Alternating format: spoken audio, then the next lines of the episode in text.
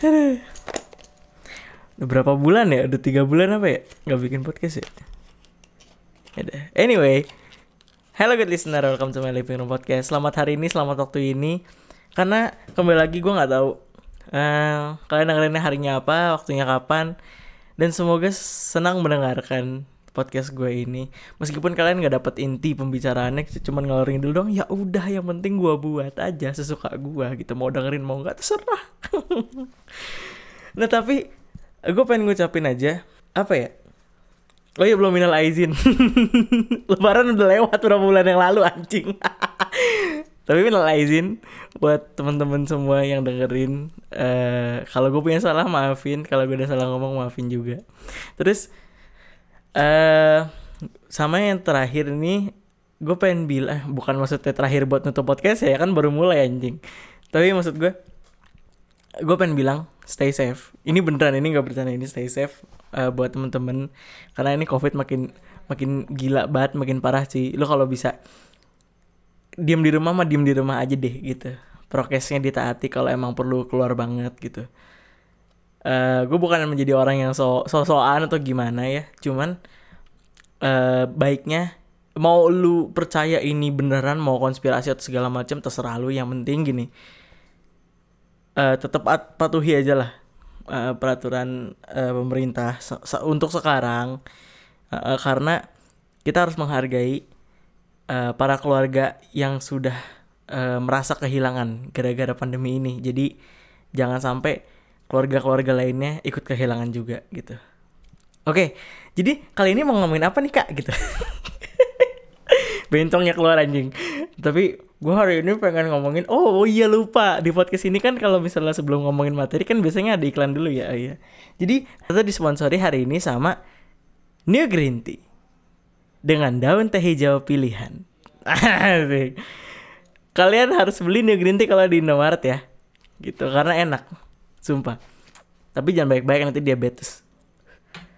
Kenapa nggak iklanin rokok? Karena ya ya gantian lah gitu. Kan dari kemarin kan Gunung Garam sekarang tuh gantian gitu negeri inti gitu kan. Jadi kita emang membuka apa aja. Kalau ada kesempatan buat ngepromosin kondom juga hayu asal ada duitnya mah gitu.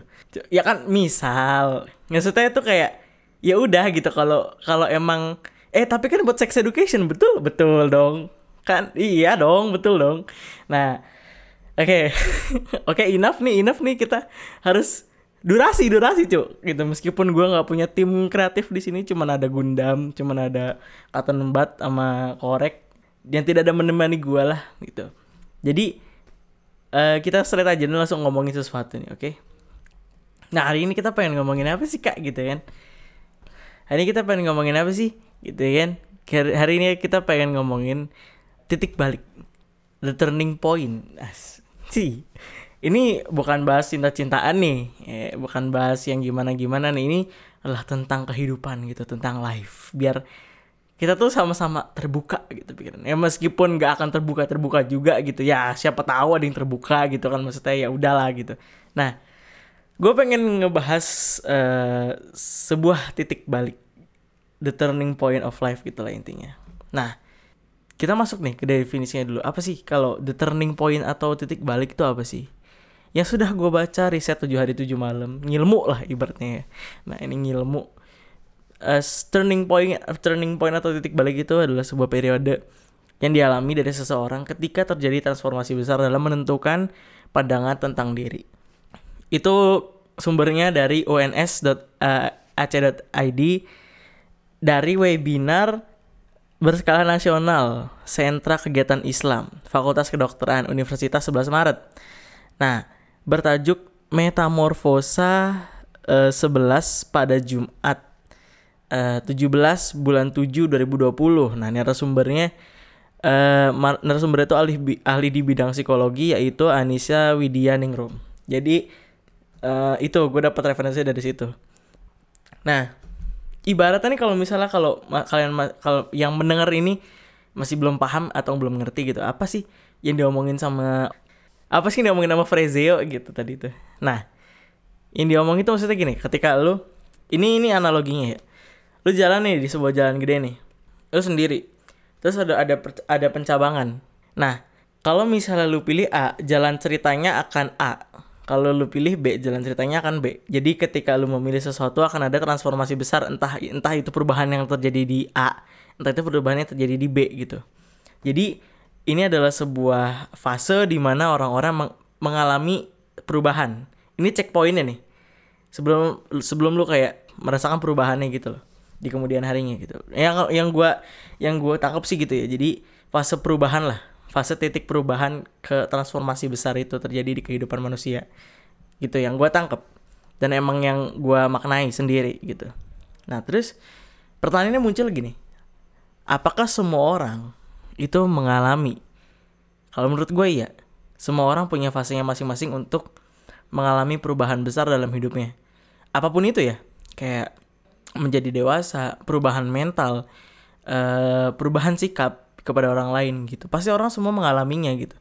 Uh, people change gitu. Kita nggak bisa uh, menafiki itu tapi itu akan terjadi. Dan fase titik balik ini semua orang akan mengalami itu gitu. Terus tapi kapan? Gitu kan. Pertanyaan terus tapi kapan? Gitu orang itu akan mengalami. Nggak ada yang tahu. Nggak ada yang tahu orang itu ngalaminnya besok ke dua hari setelahnya ke 10 tahun setelahnya kayak atau 100 tahun setelahnya kayak kalau masih hidup kayak avatar gitu kan kita nggak tahu. Jadi apa pun apa ya apa pun kondisinya apa uh, atau kita tanya kapan gitu kita kita nggak ada yang tahu. Karena semua orang punya event apa eventnya masing-masing punya timelinenya masing-masing lah untuk peristiwa yang terjadi di hidup mereka gitu.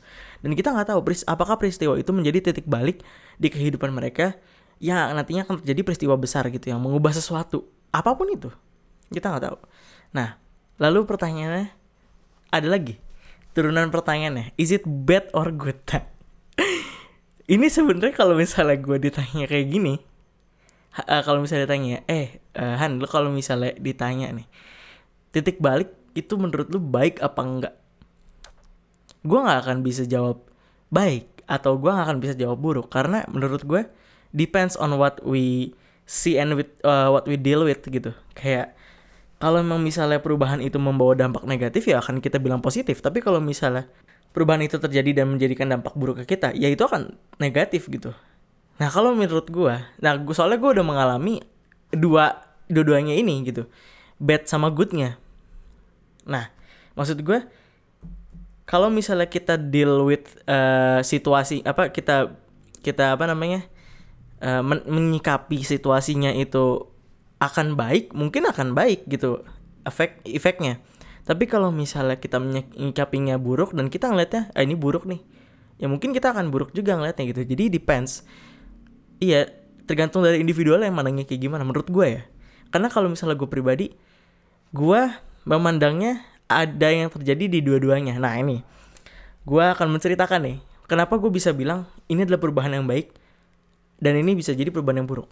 Gini gue mungkin gue akan membaginya jadi ketiga event ya yang terjadi di hidup gue dan ini merupakan turning pointnya gue nih menurut gue pertama gue memilih untuk join ekskul beatbox di SMA kenapa? Karena itu adalah satu hal yang bisa membuat gue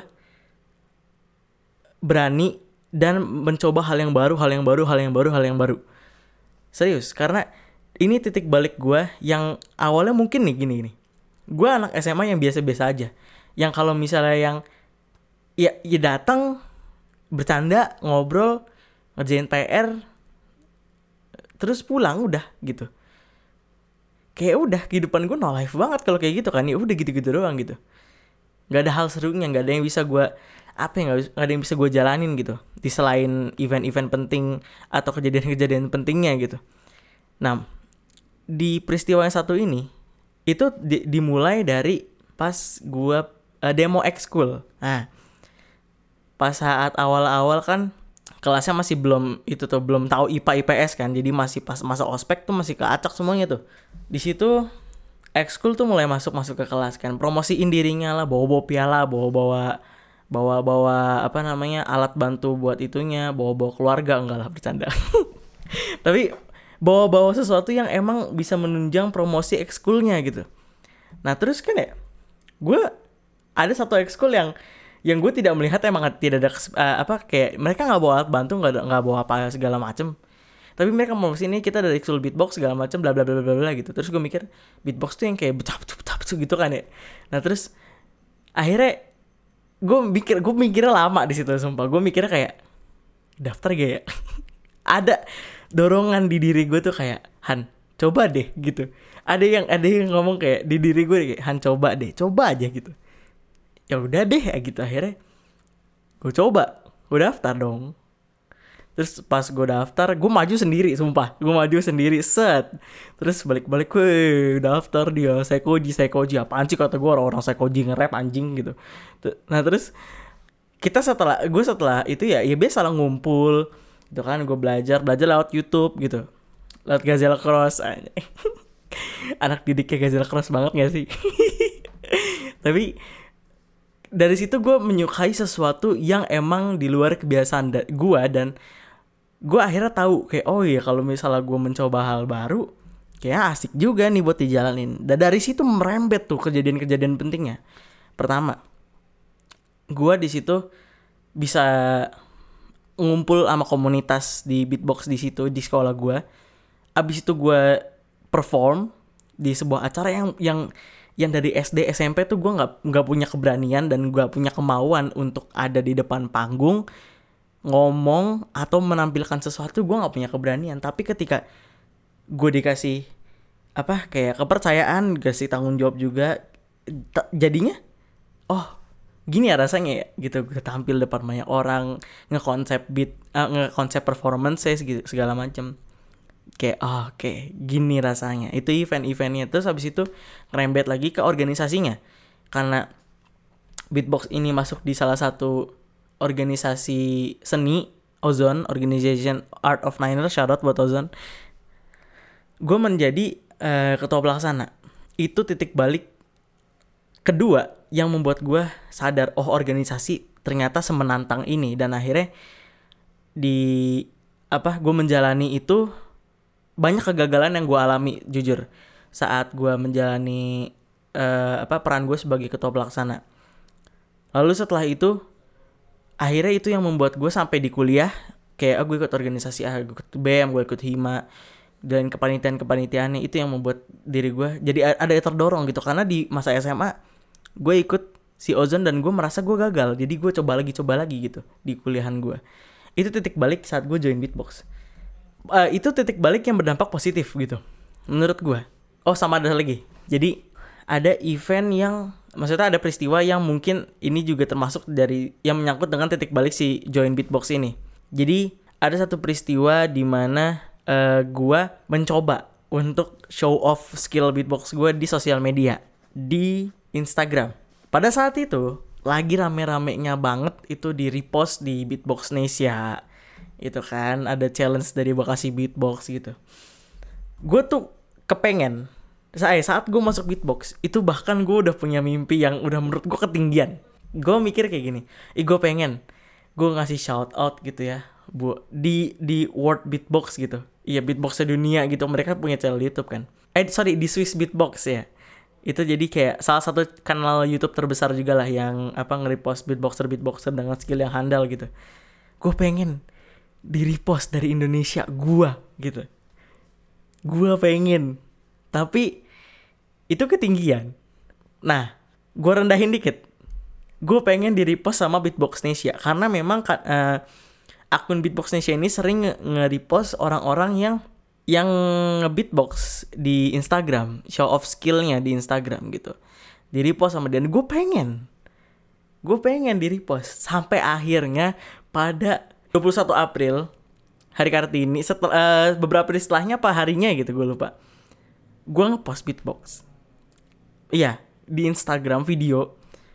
Dan gue dengan PD-nya show off skill gue yang beatbox itu masih berantakan banget parah ya gue pede aja udah di post kan.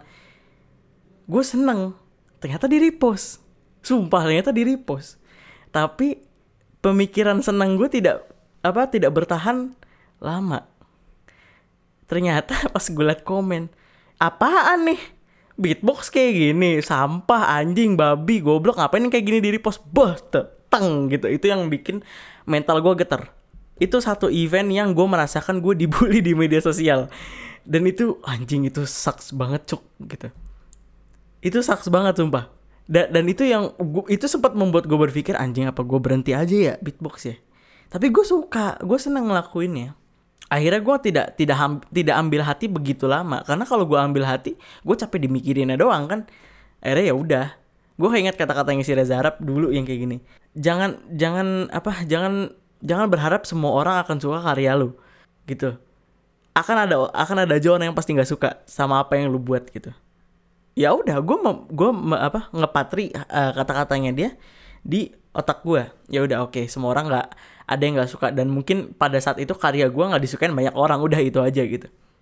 Sampai akhirnya gue masih ngelanjut masih ngepost beatbox dan gue sering ngepost sering ngepost sering ngepost sering ngepost di Instagram. Dan akhirnya sampai di titik di mana gue ngelihat ada prosesnya oh ternyata gue nge-beatbox kayak gini ya dulu ya. Anjing gue gue geli banget ngeliat gue beatbox dulu.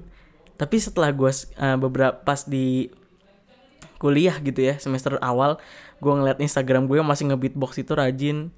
Anjing alay banget gitu. Gue ngeliatnya awal anjing alay banget. Pakai kacamata pakai topi pakai topi hewan anjing itu alay banget sumpah. Tapi tapi tapi pas di situ gue ngeliatnya tapi lu berproses loh gitu. Lu punya uh, apa lu mencapai anak tangga per anak tangga gitu. Ada titik balik mungkin yang kalau misalnya gue nggak join beatbox gue tidak akan punya keberanian untuk mencoba hal yang baru. Dan menurut gue gue join beatbox itu positif. Itu berdampak positif. Itu satu. Yang kedua itu gue gagal SBMPTN gagal SBMPTN ini ada dua yang gue rasain bad sama good sebenarnya gagal SBMPTN ini ya ya ada banyak event lah yang terjadi gitu.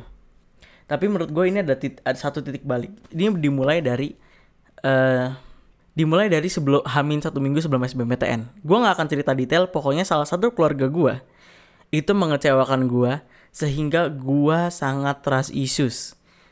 Sampai gue berpatri sama diri uh, sampai gue ngomong ke diri gue sampai sekarang Han lebih baik lu tidak percaya sama siapa pun 100%.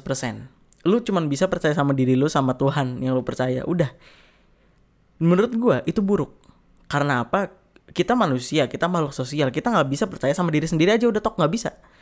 Kita harus percaya sama orang.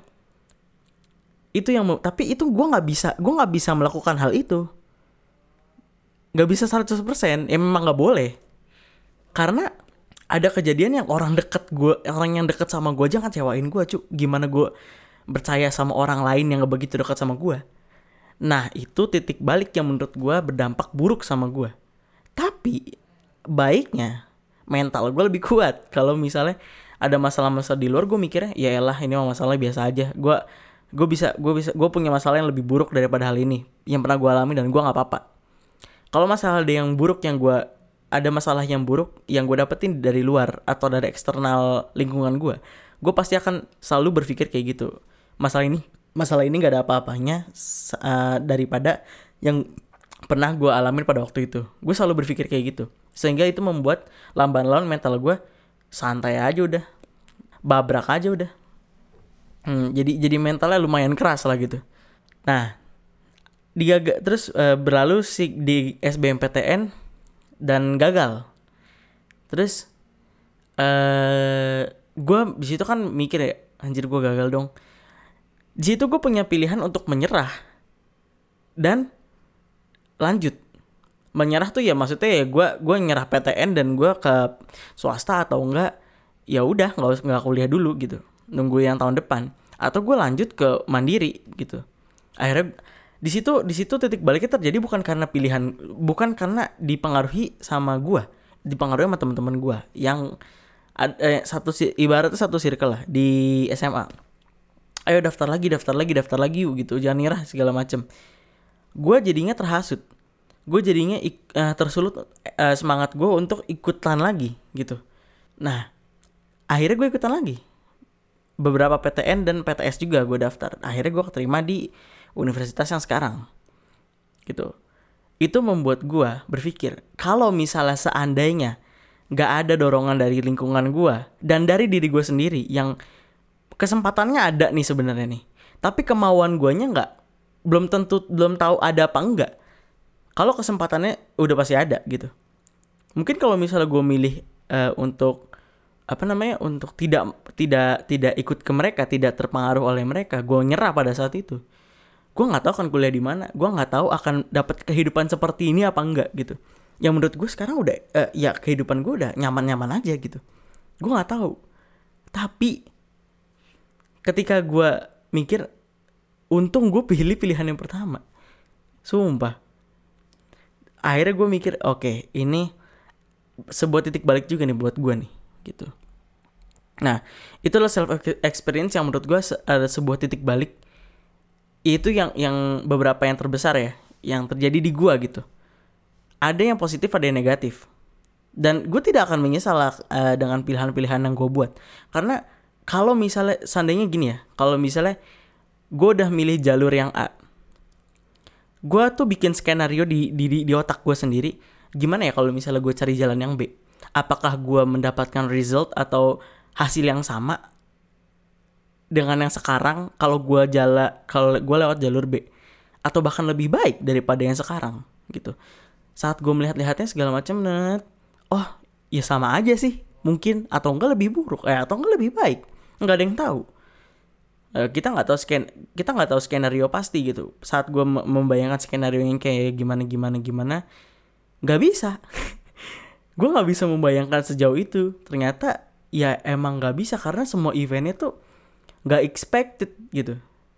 Semua yang dikasih sama takdir sama Tuhan nih jalan ceritanya kita masing-masing nih per individual kita nggak ada yang bisa nebak bro lu pilih jalan A lu mau tahu jalan yang B kayak gimana? Lu udah udah ambil jalan B lu nggak perlu tahu jalan eh, udah ngambil jalan yang A lu nggak perlu tahu jalan yang B kayak gimana udah jalanin aja yang jalan A. Karena lu nggak akan bisa nebak. Kalau menurut gue kayak gitu. Karena yang gue alami ketika gue mengubah apa eh, ngotak atik skenario nya enggak kayaknya susah deh. Gitu. Gue nggak bisa bayangin apakah gue bisa mendapatkan kehidupan yang lebih baik lebih buruk atau sama aja sama yang gue jalanin di kehidupan A. Gitu. Makanya kayak syukurin aja udah yang paling bener. Ada penyesalan nggak? Ya udah syukurin aja. Nyesel mah tipis-tipis di awal pasti ada gue yakin. Dan itu manusiawi. Kecewa pasti ada kayak anjir gue coba gue pilih yang A. Ya manusiawi dong. Tapi gak bisa diseselin juga eh, lama-lama gitu. Ya udah kita harus jalanin apa yang udah kita pilih gitu. Kita bertanggung jawab atas pilihan kita yang kita pilih gitu. Nah terus uh, eh, gue juga dari dari sumber yang tadi ya dari dari webinar tadi itu gue nggak ikut webinar cuman gue ngeliat dari apa namanya dari webnya itu ada gimana cara kita uh, how we deal with uh, it gitu. Gimana cara kita menyikapi si titik balik ini. Nah gue ngeliat nih yang pertama ini gue langsung apa ya langsung ng ngambil dari situ aja yang pertama milik miliki mindset berjuang dan tidak menyerah dengan keadaan. Ini gue setuju dan ada yang juga yang, yang tidak setuju. Gini pertama miliki mindset berjuang. Oke kalau misalnya kalau misalnya mungkin saat itu menurut lo berjuang adalah pilihan yang tepat ya maka berjuanglah. Tapi ketika ketika lu punya alasan untuk menyerah dan menurut lu menyerah itu lebih baik ya udah maka tentukan jalan yang paling benar karena menurut gue mungkin ya ketika lu memilih berjuang belum tentu resultnya akan sama. Sama yang menyerah ya udah jelas dong. Tapi apakah lebih baik kita nggak tahu. Itu tergantung pemikiran masing-masing. Kalau menurut gue caranya uh, orientasinya harus lebih jauh lagi pemikiran lo lo harus bisa berpikir panjang ke depannya kayak gimana? Kalau misalnya gue berjuang kayak gini gini gini apakah gue dapat result yang sama yang kayak gini gini? Apakah gue tidak mendapatkan resiko yang sama kayak gini gini gini gini? Tapi kalau gue nyerah apakah gue bisa melanjutkan kayak gini gini gini? Ya lu pikir sendiri aja yang yang jauh gitu. Apa yang bisa lu dapatkan di kemudian hari ketika lu memilih satu pilihan di antara kedua pilihan ini? Kalau menurut lu, uh, menurut lu berjuang adalah pilihan yang benar ya mangga kalau menurut lo pilihan yang menyerah ada yang benar yang benar ya silakan ya tinggal pilih aja. Dan dan ini dan jangan takut. Gitu. Iya sumpah jangan takut karena yang di atas tuh udah punya udah nyiapin skenario hidup lu tuh sedemikian rupa. Dan gak mungkin dia nggak ngasih rezeki rezeki atau sesuatu anugerah atau berkah lah di dalam skenario kedua skenario tersebut gitu. Gitu loh. Asal kitanya mau apa mau mikir mau usaha mau nyoba udah itu aja. Kalau misalnya menyerah abis itu apa namanya abis kita kitanya mau apa nyerah dulu abis itu kita berjuang ya itu oke kita serah gitu. Ya itu gimana lu tapi kita harus bisa berpikir panjang nyikapinya.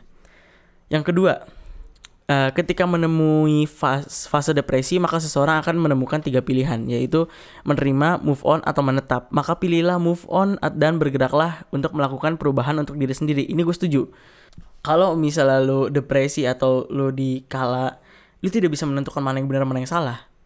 Kalau misalnya lu merasa lingkungan lu toxic atau apa ya atau tidak baik kalau lu mau menerima itu dan lu bisa berdamai dengan situasi itu ya terserah. Asal lu nya nggak terpengaruh menjadi toxic juga kayak lingkungan lu.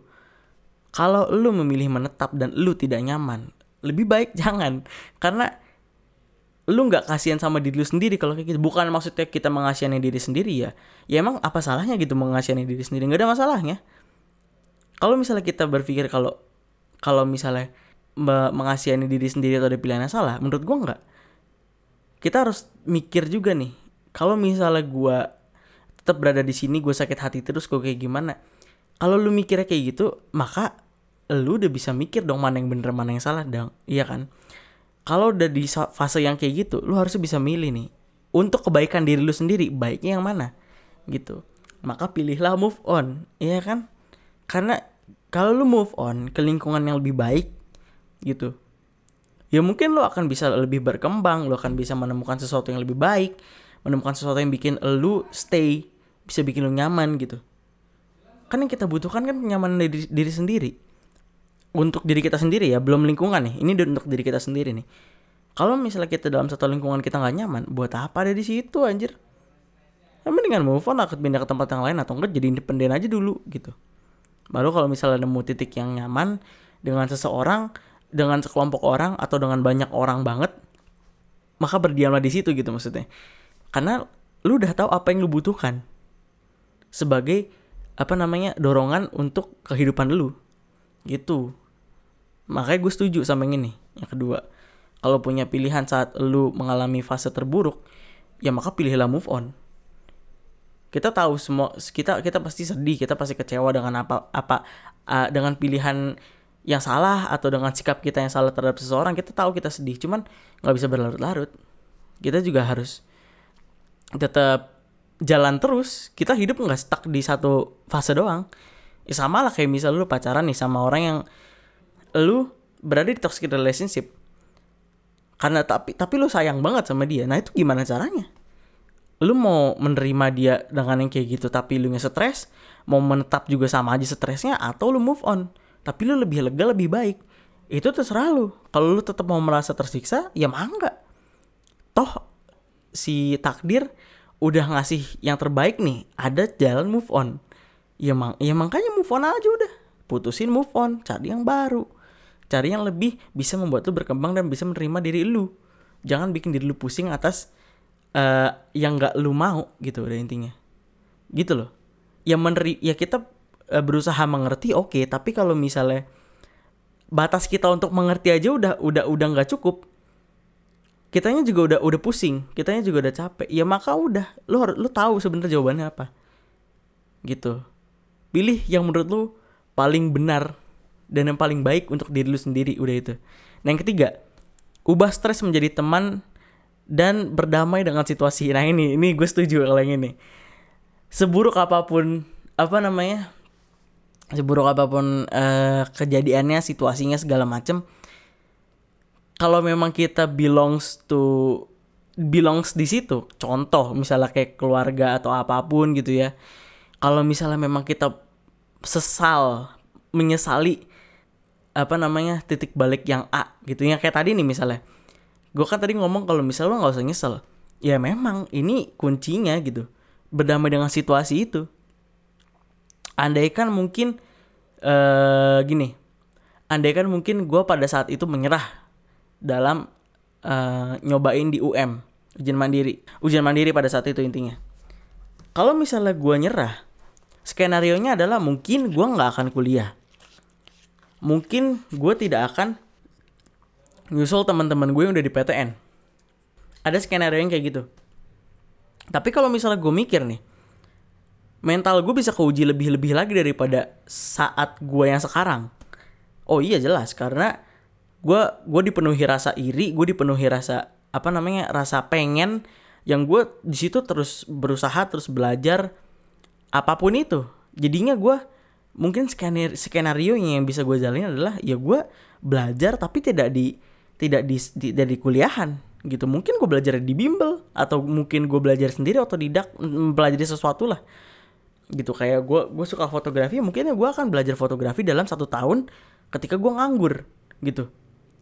Skenario yang gue dapeti pada saat itu uh, saat gue saat gue menyerah di SBMPTN mungkin akan terjadinya seperti itu mungkin peluang kalau misalnya gue lebih belajar fotografi gue gua apa gue ngeposting karya-karya gue di media sosial ada yang lihat gue dan nge-hire gue atau gue nge-hire di perusahaan A company A atau production house-nya A.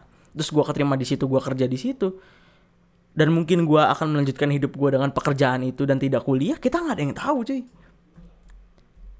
Mungkin nah, itu akan lebih baik daripada gue sekarang kita juga nggak tahu makanya ketik makanya kenapa gue bikin skenar eh, ketika ketika gue memilih pilihan A gue akan muter balik dulu flashback dulu dan gue bikin skenario untuk pilihan B. Gini gini gini gini. Oh ternyata mungkin sama aja dan tidak lebih baik gitu. Ya udah makanya gue bikin eh gue gua gue tidak menyesal. Gue berdamai dengan situasinya aja udah. Dan gue selalu mikir banyak orang yang ingin berada di posisi lu saat ini, berada di situasi lu yang sekarang dengan dengan keamanan finansial, dengan kesehatan yang cukup, dengan apa kenyamanan kenyamanan rumah yang ada gitu. Ada orang yang nggak yang nggak mendapatkan itu. Dan eh, dan di situ posisinya titiknya kita harus bersyukur. Gitu loh. Jadi faktornya eh uh, gue bersyukur dengan situasi gimana cara gue berdamai gitu ya gue nggak tahu. Itu itu gimana gimana hikmahnya datang ke lu aja. Gimana gimana takdirnya ngebawa lu bisa berdamai dengan situasi itu. Kita nggak ada yang tahu caranya gimana. Masing-masing orang punya cara yang berbeda untuk bisa berdamai dengan situasi. Kalau gue gue menyikapinya ya gak apa-apa. Gue gue gue gue sering berdialog dengan diri sendiri. Gue sering ngebaca dengan sendiri sendiri. Jadinya gue mikir selagi gue punya diri sendiri gue nggak akan kenapa-napa gue sel selagi gue tidak kehilangan diri sendiri ya gue tidak akan apa-apa kayaknya gitu. Nah makanya gue di situ kayak apa gue diuntungkan karena memang si apa sikap gue dan sifat gue yang mungkin agak uh, apa namanya suka ngebacot sendiri suka ngehayal segala macam gue little bit bersyukur karena gue bisa gue bisa berbicara dengan diri gue sendiri berdialog dengan diri gue sendiri membicarakan masalah-masalah yang terjadi di hidup gue dan sedikit lebihnya gue tenang gitu. Gitu loh. Meskipun gue juga butuh orang lain kita nggak bisa hidup sendiri yang gue bilang tadi kita makhluk sosial. Gitu loh. Seperti se nggak percaya percaya gue sama orang gue gue tetap butuh. Gitu. Nah terus gini. Uh, itu kan kita udah bahas di banyak nih ya. Ini gue pengen ngasih ini yang terakhir sih. Gue pengen menyimpulin aja gitu. Ketika lo udah tahu itu adalah sebuah titik balik yang ada di lo yang akan terjadi di lo maka siap-siaplah untuk menerima perubahan apa pun yang terjadi. People change. Kita juga change kita berubah juga. Maka siap-siaplah. Kalau oh, kalau lu ketemu sahabat lo atau temen lu yang mungkin udah lama gak ngechat segala macem ketika lu ketemu lagi sama dia dan dia dia ada perubahan segala macem people change. Dia berubah karena dia udah melewati proses hidupnya sendiri. Dan lu harus siap-siap. Dan lu juga nggak boleh demanding dia untuk jadi kayak dulu lagi. Ya lu nggak tahu prosesnya dia kayak gimana. Dan lu juga nggak ada di sepatunya dia. Itu kalau terjadi sama orang lain. Kalau tidak sama diri sendiri apa pun sit, uh, peristiwanya ya mungkin kayak orang tua lu bercerai atau uh, cewek lu ninggalin lu atau mungkin sahabat tuh nusuk lo dari belakang akan ada ada apa namanya uh, perubahan-perubahan terjadi. Lu jadi trust issues lu jadi apa namanya lu jadi punya apa namanya uh, ketidakpercayaan diri. Lu, lu jadi tidak lu jadi menjauh sama lingkungan tidak dekat sama keluarga. Apa pun itu mau positif mau negatif perubahannya lu harus siap-siap. Nah untuk menghindari yang negatif self control lu harus punya self control cuy. Ketika lu tahu lu akan berubah ke arah yang negatif lu pikir-pikir kalau misalnya seandainya orang yang gue sayang itu akan terdampak dari perubahan gue, apa yang harus gue lakukan? Self control. Kalau lu udah kayak gue punya trust issue yang besar dan gue akan merepotkan mereka, maka gue harus kontrol trust issue itu. Itu dia. Ketika ketika gini, ketika gue selalu mer, mer, apa um, uh, terjadi perubahan yang signifikan ke arah negatif, gue akan selalu mengingat, tadi dulu, ini akan baik ke diri gue dan diri ke orang lain gak ya? Apakah akan merepotkan orang lain atau diri gue sendiri akan tersiksa segala macam? Maka gue pikirin ulang. Gue nggak akan ke arah yang situ. Meskipun perubahan gue mendorong gue ke situ, tapi gue nggak jangan gitu. Karena yang bisa membuat perubahannya bukan orang lain, bukan situasi, tapi diri lu sendiri. Yang kedua, gue penyesalan jadi pensyukuran. Ya yang tadi gue bilang, apa pun yang terjadi ya udah syukurin aja udah. Mungkin emang ini jalan dari Tuhan yang terbaik gitu. Dua jalan itu yang terbaik. Gimana lu menyikapinya aja itu baik apa enggak? Toh dua-duanya akan menjadi lebih baik kalau misalnya emang lu bersyukur lu berusaha dan lu ikhlas. Yang ketiga people come and go in our life. But still we have to appreciate them. If they live karena apa? Karena mereka itu adalah bagian dari cerita kita yang di situ ada titik baliknya. Maksudnya gimana? Gini contoh nih gue kasih contoh yang simpel aja nih. Salah yang tadi ya toxic relationship ya lu sama pacar lu. Ketika lu ada di satu toxic relationship lu uh, dia memutuskan untuk putus sama lu. Atau gue atau kita memutuskan untuk putus sama pacar kita. Ada yang go dong ada yang go atau entah kita yang pergi atau dia yang pergi dari hidup kita tapi kita nggak boleh kita nggak boleh anjing untuk gue gue nyesel banget sama dia gini gini gini gini Eh tak dulu kalau lu mau nyesel lu lihat dulu perubahan di diri lu apa. Apakah lu akan menjadi lebih buruk dan atau lebih rendah? Emang iya? Kayaknya enggak deh. Coba lu pikir lagi. Kalau lu pernah pacaran sama dia, oke, okay, lu merasa lu menyesal, enggak masalah. Yang tadi gue bilang itu manusiawi. Tapi apakah lu mendapatkan sesuatu dari situ? Pasti dapat.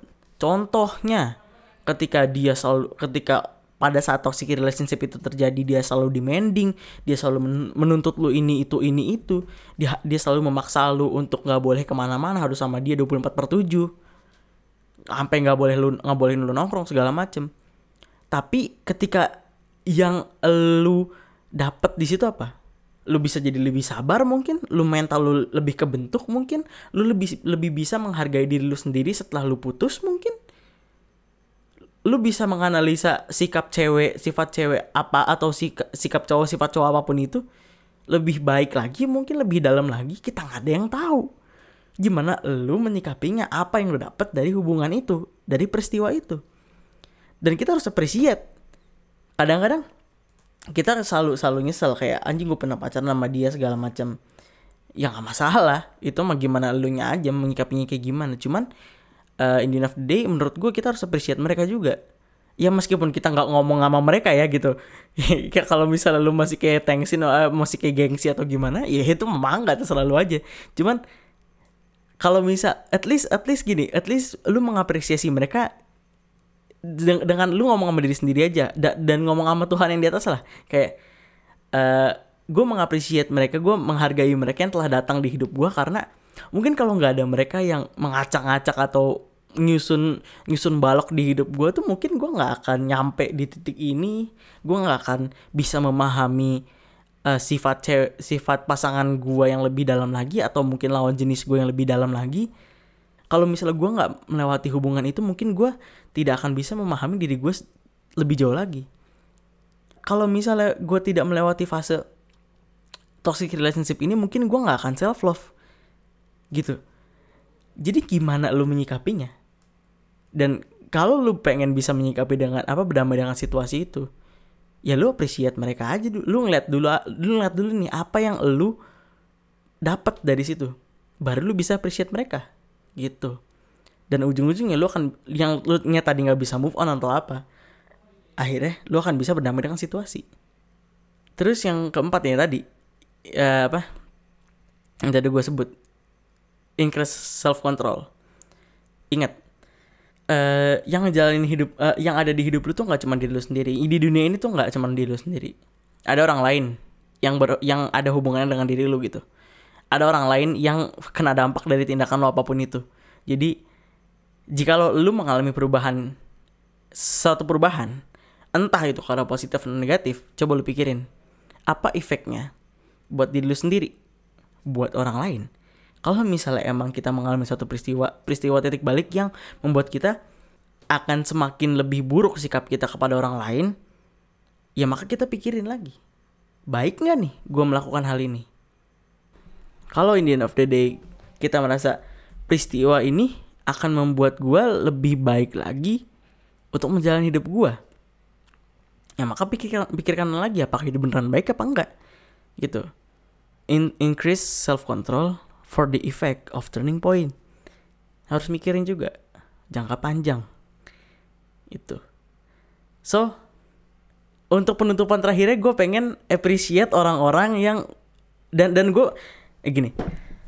Untuk penutupan terakhir gue pengen ngajak lu uh, untuk appreciate orang-orang siapa pun itu ya, siapa pun itu dari keluarga, temen, pacar, mantan, gebetan, suami, istri orang atau apa pun lah Pak RT, Pak RW, siapa pun itu yang udah pernah ada di hidup lu dan pernah ada di bagian cerita hidup lu, kita appreciate mereka karena telah uh, telah membuat cerita kita menjadi lebih seru dan berdampak apa pun ke diri kita, kita harus bersyukur akan itu dan kita appreciate mereka.